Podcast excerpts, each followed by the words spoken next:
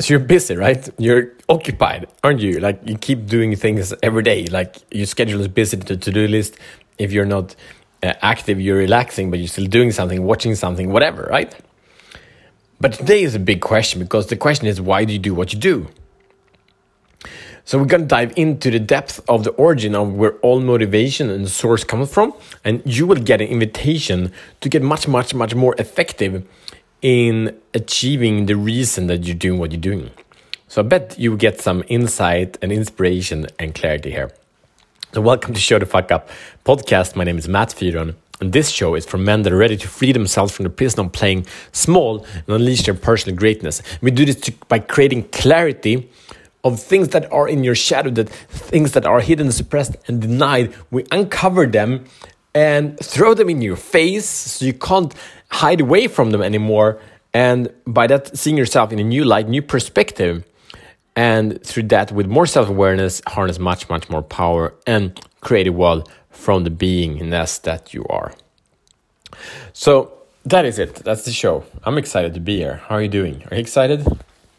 If you've been listening to this show and you think uh, this Matt dude, he shares some valuable points sometimes, please share it uh, both with me. Send an email to i at showtfup.com and share, share share this episode with friends because together we change lives, right?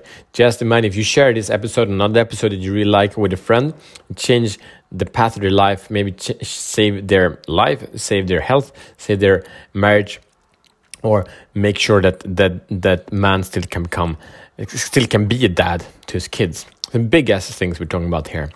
So why do you do what you do? So again, if you look into your calendar, the things you've been doing the past week, the past month, the past quarters, new quarter starting uh, today, isn't it? Yeah, uh, that's really exciting, and I'm almost done with my quarterly plan. We'll talk more about that tomorrow. But anyway, so why do you do what you do? So it comes down to that. No matter the the the activity we do, we try to do one or two things. We've been talking about that before go towards uh, pleasure or go away from fear. So either we do it to hide away to not experience the shit that, that we don't want to, or we go to step towards um, some some pos positive experience we can call them. And these are actually not that different from person to person. So I will share with you the four things that everyone are basically motivated and, and longing for and the, the, the inner game. So we can have the whys of you know a bigger house or or you want a family if you're single or these kind of things. We're gonna go for the inner game because these external things of the success or whatever, they're only representation of the inner world that you want to create, basically how you want to feel about yourself. And, and when we come to the, the, the, the inner world, then we have basically two states. One is okay, one is not okay. Uh, and the okay state can be expressed in a sense of love and appreciation and and beauty and not okay can be expressed in shame or guilt and judgment and anger and and sadness and so on so the, the, the, the perspective is that you vote for what you value by the time you spend but then you can have many people doing the same thing voting for the same party but have very very different reasons why but the meaning we give to the activity the activity of business the activity of family makes it important, makes it a priority. So, are you ready for these four things? Uh, so, so the solution here today, uh, as we follow the format, is that by having clarity on this, you'll be able to to ask and reverse engineer how you can use this awareness to choose more conscious actions that would serve your purpose. I hope this makes sense.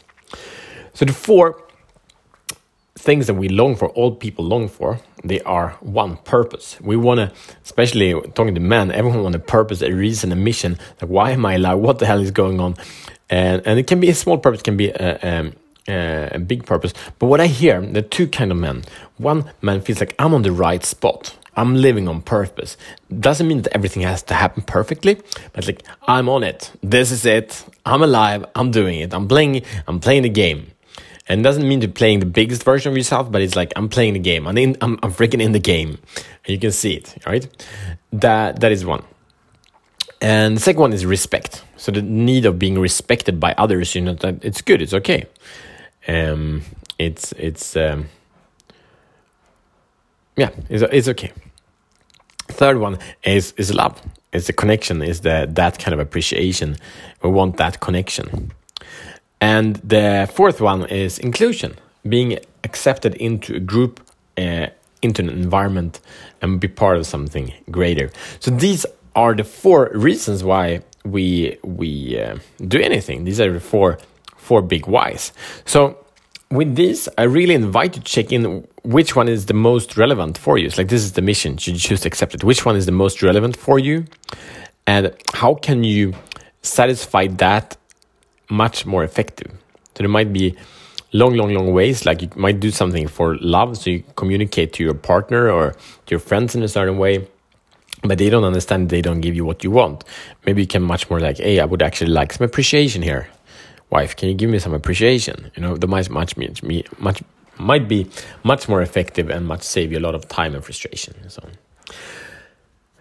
and then execute and experiment. Play with it. Don't take it too serious. Play with it for a day, for a week, for a month, and see how your life transforms by you becoming sharpening and stepping up to who you truly are. And again, share this episode with a man that is ready to free himself from the prison of playing small.